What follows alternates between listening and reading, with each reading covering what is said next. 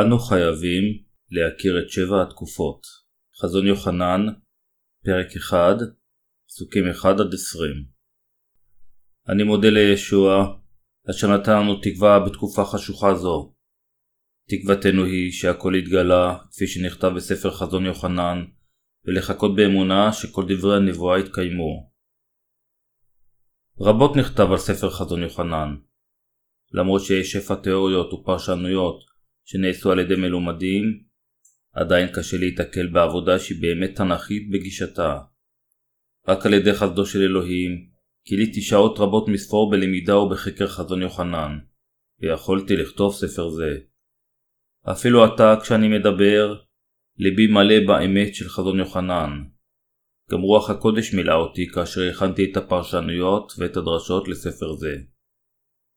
זה קצת מפתיע, אם כן, שליבי התמלא בשפע בתקווה לגן עדן ולפאר מלכות אלף השנים.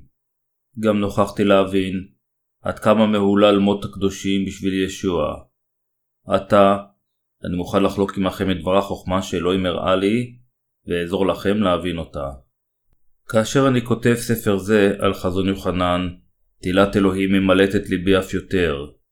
בכל הכנות, באמת לא הבנתי עד כמה נפלא הוא דבר חזון יוחנן. אלוהים הראה ליוחנן את עולמו של ישוע המשיח. מה משמעות המילים הפותחות חזון ישוע המשיח? המילון מגדיר את המילה חזון כפעולת התגלות או התקשרות עם אמת אלוהית. משמעות חזון ישוע המשיח אם כן, היא הגילוי של כל מה שיקרה בעתיד בישוע המשיח. בצורה אחרת, אלוהים הראה ליוחנן, משרתו של ישוע המשיח, את כל הדברים העומדים להתרחש בסוף הזמנים. לפני שאנו מתעמקים בדבר חזון יוחנן, יש משהו שבו אנו חייבים להיות בטוחים מראש, כלומר, אנו חייבים לוודא האם הדברים הכתובים בחזון יוחנן הם סמליים או עובדתיים. כל מה שכתוב בספר חזון יוחנן הוא כמובן עובדתי, כיוון שבאמצעות החיזיון שיוחנן ראה אלוהים, גילה לנו בפירוט מה התרחש בעולם הזה. זה נכון שהרבה מלומדים הציעו תיאוריות תיאולוגיות ופרשניות על הנבואות של ספר יוחנן. עוד דבר נכון הוא שמאמצי המלומדים האלה היו לחשוף את האמת של דבר חזון יוחנן כמיטב יכולתם. אך טענות היפותטיות שכאלה גרמו נזק לעולם הנוצרי, כיוון שהם לא התאימו לאמת של התנ"ך ורק הביאו לבלבול. לדוגמה, הרבה מלומדים קונסרבטיביים תמכו במה שנקרא המילנליזם. כלומר, הם טוענים שמלכות אלף השנים לא תהיה, אך דעות כאלה רחוקות מהאמת התנ"כית. מלכות אלף השנים כתובה מבחינה עובדתית בפרק 20 של חזון יוחנן, היכן שכתוב שהקדושים לא רק ישלטו בממלכה הזו, אלא גם יחיו עם המשיח במשך אלף שנים. פרק 21 מצד שני, אומר לנו שלאחר מלכות אלף השנים, הקדושים ירשו את השמיים והארץ החדשים, ויחיו וישלטו עם המשיח לעד. כל אלה הן עובדות. התנ"ך אומר לנו שכל האמת הזאת תמומש לא כהגשמה סימבולית בליבם של המאמינים, אלא כהגשמה מציאותית בדברי הימים. אך בהסתכלנו על הנוצרים כיום, אנו מגלים שלהרבה מהם יש תקווה מועטה למלכות אלף השנים. אם הטענות ההכחשה שלהם אמיתיות, האם זה לא אומר שהבטחתו של אלוהים למאמיניו היא רק מילים ריקות? אם מלכות אלף השנים לא הייתה מחכה למאמינים, אז האמונה של אלה אשר נושרו על ידי האמונה בישוע כמושיעם, תהפוך לחסרת תועלת. הרבה תיאולוגים וכמריים טוענים כיום שהסימן 666 המנובא בחזון יוחנן הוא רק סמלי, אך אל תטעו, כאשר יום ההתגשמות הנבואה הזו יגיע, האמונה של הנשמות האומללות האלה, אשר האמינו בטענות שקריות שכאלה, ישקעו בבת אחת, כמו בית הבנוי על חול ים. אם אלה אשר מאמינים בישוע לא יאמינו בדבר האמת הנגלית אליהם בתנ"ך, הם יקבלו מאלוהים אותו יחס כמו הלא מאמינים. המשמעות של זה רק יכולה להיות שלא רק שהם לא יודעים את בשורת המים והרוח אשר ניתנה על ידי אלוהים, אלא שגם רוח הקודש אינה שוכנת בליבם. זוהי הסיבה שבליבם אין תקווה למלכות אלף השנים או לשמיים ולארץ החדשים אשר אלוהים הבטיח לנו.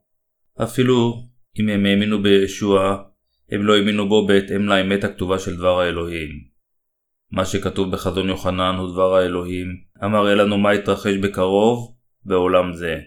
פרק 2 ו-3 של חזון יוחנן כותב את דברי האזהרה לשבע הקהילות אשר באסיה, אשר בהם נמצאים גם ציון לשבח וגם תוכחה לשבע הקהילות אשר באסיה.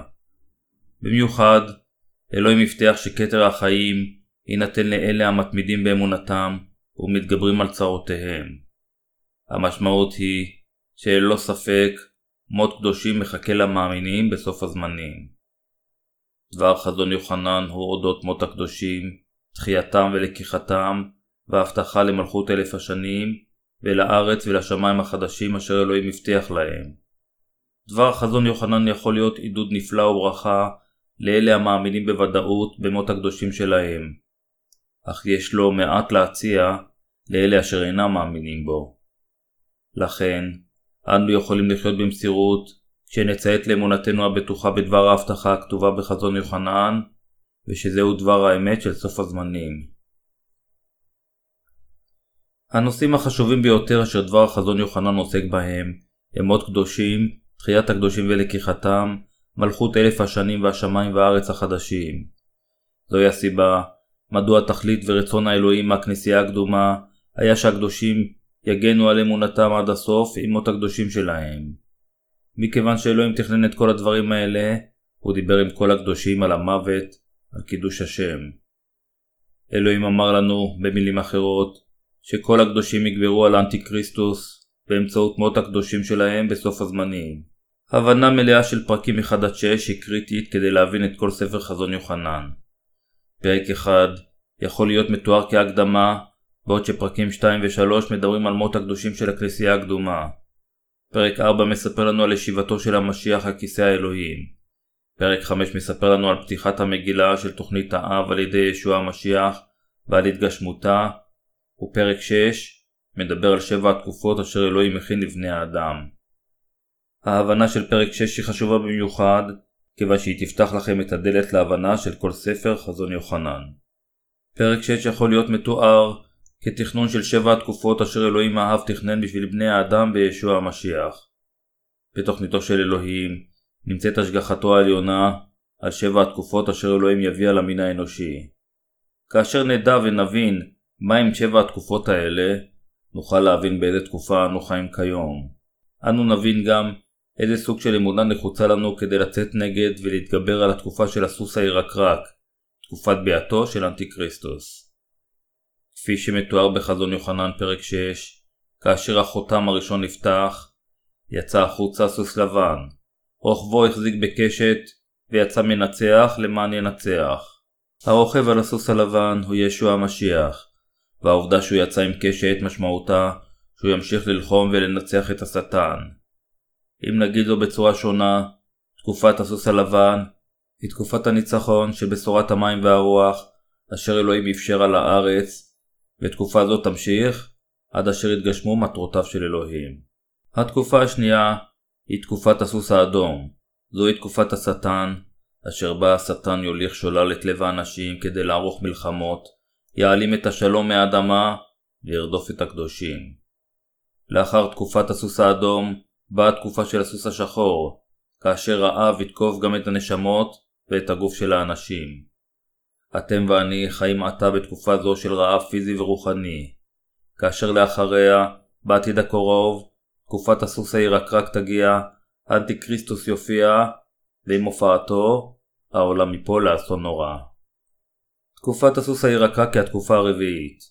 בתקופה זו, העולם יוכה במכות של שבעת השופרות, ואשר בגללן שליש מהיערות יישרפו, שליש מהים יהפוך לדם, שליש מהמים המתוקים יהפכו גם לדם, ושליש מהשמש, הירח והכוכבים, יוכו ויחשכו. התקופה החמישית היא תקופת תחיית הקדושים ולקיחתם, כפי שכתוב בחזון יוחנן פרק 6 פסוקים 9-10. וכפתחו החותם החמישי, וירא מתחת למזבח את נפשות הטבוחים על דבר האלוהים, ועל העדות אשר הייתה להם. ויזעקו בקול גדול ויאמרו, עד מתי אדוני הקדוש והאמיתי, לא תשפוט ולא תקום את דמנו מיושבי הארץ. התקופה השישית היא החורבן של העולם הראשון, על פי חזון יוחנן פרק 6 פסוקים 12-17.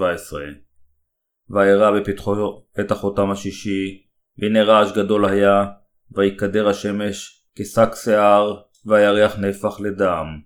וכוכבי השמיים נפלו ארצה, כאשר תקווה תאנה ברוח חזקה, והשליכה פניה. והשמיים משהו כספר נגלל, וכל הר ואי ינתקו ממקומם. ומלכי הארץ והרוזנים ושרי האלפים והעשירים והתקיפים וכל עבד וכל בן חורים התחבאו במאורות ובסלי ההרים. ויאמרו אל ההרים ואל הסלעים נפלו עלינו וכיסונו מפני היושב על הכיסא ומפני חמת השא. כי בא יום עברתו הגדול ומיוחל להתייצב. אם כן, מה יקרה בתקופה השביעית אשר אלוהים קבע לנו? בתקופה האחרונה הזו, אלוהים ייתן לקדושיו את מלכות אלף השנים, ואת השמיים והארץ החדשים. אם כן, באיזה תקופה מתוך שבע התקופות האלה אנו חיים עתה? בעוברנו את תקופת הסוס האדום, אשר בה העולם נהרס על ידי כל כך הרבה מלחמות, אנו חיים עתה בתקופת הסוס השחור. כל דבר חזון יוחנן כתוב לא בצורה שלילית, אלא ברוח חיובית למען המאמינים. אלוהים אמר שהוא לא רק רוצה לתת למאמינים של סוף הזמנים תקווה למלכות אלף השנים, אלא הוא גם לא ינתשם כיתומים בעולם. כדי להבין את האמת הנגדית בחזון יוחנן, בכל אופן, אנו חייבים קודם להיפטר מלימודים כותבים, כמו התיאוריות של לקיחת הקהילה לפני הצהרה, המילנליזם, ולקיחת הקהילה לאחר הצהרה, ולחזור לכתבי הקודש. אלוהים קבע בשבילנו שבע תקופות בישוע המשיח. שבע התקופות האלה תוכננו כולן על ידי אלוהים בשביל הקדושים בישוע המשיח בראשית יצירתו. אך בגלל שמלומדים רבים נשארו בורים לגבי שבע התקופות האלה אשר נקבעו על ידי אלוהים, הם רק הציעו את פירושם העצמי והנחות נטולות יסוד על דבר יוחנן. ואנשים נעשו מבולבלים אף יותר. אך אנו כולנו חייבים לזהות את שבע התקופות אשר נקבעו על ידי אלוהים, ועם ידע ואמונה באמת הזו, לתת לו תודה ותהילה על כל מה שהוא עשה למעננו. כל התוכניות של אלוהים לקדושים נקבעו והתממשו במסגרת שבע התקופות האלה. אני מקווה שהדיון עד עתה נתן לכם הבנה בסיסית על הקטע הפותח של חזון יוחנן. באמצעות ספר חזון יוחנן אנו מוצאים שבריאתו של אלוהים מציינת את תחילתן של שבע התקופות שהוא קבע בישוע המשיח עם בשורת המים והרוח. ביודענו את שבע התקופות הללו, אמונתנו תתחזק. וביודענו אותם, אנו נבין איזה סוגי ניסיונות ממתינים לנו, שאנו חיים בתקופה זו של הסוס השחור, ועם הבנה זו, נהיה מסוגלים לחיות באמונה. המאמינים, וזה כולל גם אתכם ואותי, עומדים למות מות קדושים, כאשר תקופת הסוס הירקרק תגיע כאחת משבע התקופות אשר תוכננו על ידי אלוהים. כאשר המאמינים יבינו זאת, ליבם יתמלא בתקווה, ועיניהם יוכלו לראות מה שהם לא ראו מקודם. כאשר משרתי וקדושי האלוהים יבינו את התקופה המתקרבת של הסוסי ירקרק, חייהם יתנקו מכל חורבנם, כיוון שברגע שהם יבינו שהם אמורים למות בתקופת הסוסי ירקרק, ליבם יהיה מוכן לכך, אפילו אם הם לא ירגישו זאת באותו רגע. כולנו נמות מות קדושים באותה דרך שבה הקדושים של הכנסייה הקדומה מתו מות קדושים. אתם חייבים להבין שכאשר תקופת הסוס הירקרק תגיע, מות קדושים יהפוך למציאות בלתי נמנעת למאמינים האמיתיים, כיוון שמיד לאחר מות הקדושים שלהם, תגיע תחייתם. לאחר מות הקדושים, תגיע תחיית המתים, ועם התחייה בלקיחה, ועם הלקיחה, פגישתנו עם המשיח בשמיים. לאחר שהקדושים ימותו על קידוש השם, אדוננו יקים את הקדושים האמיתיים, ויקח אותם למעלה אל סעודת החתונה בשמיים. בזמן שלקיחת הקדושים תגיע, הארץ תיהרס עד היסוד, כך שהיא לא תהיה ראויה למגורים. שליש מהיערות יישרפו, האוקיינוסים, הנהרות ואפילו האגמים יהפכו לדם. האם תרצו לחיות בעולם כזה יותר זמן ממה שאתם חייבים? לקדושים יהיו אף יותר סיבות להשתתף במות הקדושים, כיוון שלא תישאר שום תקווה בעולם. האם תרצו לחיות בעולם אומלל רועדים מפחד? כמובן שלא. בסוף הזמנים יש את מות הקדושים, ואחר כך תחייתם ולקיחתם, ועם תחייתם ולקיחתם, יש את הכבוד לחיות לנצח עם אלוהים, במלכות אלף השנים, ובשמיים ובארץ החדשים. התנ"ך אומר לנו בפירוש, שלאחר נקודת האמצע של הצרה הגדולה, כלומר, שלוש וחצי שנים מתוך שבע השנים של הצרה הגדולה, הקדושים ימותו מות קדושים, על שיתייצבו עם אמונתם נגד אנטי כריסטוס, ולאחר מכן תבוא תחייתם, לקיחתם, וביאתו השנייה של המשיח. במילים אחרות, חזורתו של המשיח, תחיית המתים ולקיחת הקדושים, התרחשו לאחר מות הקדושים שלהם בזמן הצרה הגדולה. עתה הוא הזמן בשבילכם לחשוב יותר בקפדנות על נושאים אלה. האם אנו יכולים למות מות קדושים אפילו שתקופת הסוס הירקרק לא הגיעה עדיין? כמובן שלא. אך תאוריית לקיחת הקהילה לפני הצרה מלמדת אותנו שהקדושים יילקחו על ידי אלוהים לפני תחילת הצרה הגדולה. דעה זו טוענת שאין מות קדושים, והיא אינה מאמינה שתקופת הסוס הירקרק תגיע לקדושים. אם תיאוריה זו של לקיחת הקהילה לפני הצרה היא אמיתית, מהי המשמעות אם כן של מות הקדושים אשר מדובר עליו בפרק 13? נאמר שם בצורה ברורה ביותר שהקדושים ימותו מות קדושים, כיוון שהם, אשר שמם מופיע בספר החיים של אלוהים, לא יכנעו לפני השטן.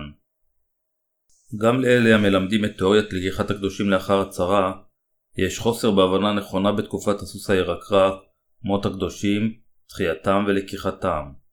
על פי הנחה זו, הקדושים יישארו על הארץ כאשר ייתקע השופר האחרון של המכות. החזון יוחנן אומר לנו באופן שאינו משתמע לשתי פנים, שהתחייה ולקיחת הקדושים התרחשו כאשר המלאך האחרון נתקע בשופר. במילים אחרות, לפני ששבע הקערות של חמת האלוהים יישפכו. זוהי הסיבה שחזון יוחנן הוא עידוד נפלא וברכות לאלה המאמינים בבשורת המים והרוח. המינליזם הביא רק אכזבה ובלבול לאנשים ואינו נכון. מה אדוננו הבטיח לתלמידיו? שהקדושים יתוגמלו בשלטון על חמש או עשר ערים, מה שבאמת יקרה במלכות אלף השנים. אתם חייבים לזכור שדעות היפותטיות שכאלה, כמו תאוריית הלקיחה לפני הצהרה, לקיחה אחרי הצהרה והמינליזם, הן טענות חסרות בסיס, המביאות רק חוסר אמון ובלבול למאמינים.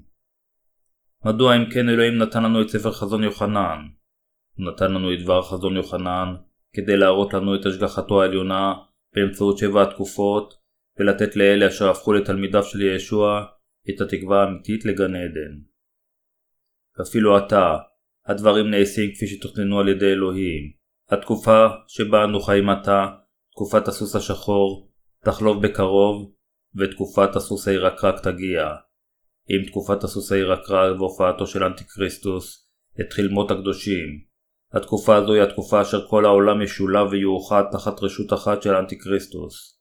תלמידי ישוע מוכנים עתה ביותר, ויהיו מוכנים לעמוד עם אמונתם מול תקופת הסוס הירקרק, הממשמשת ובאה.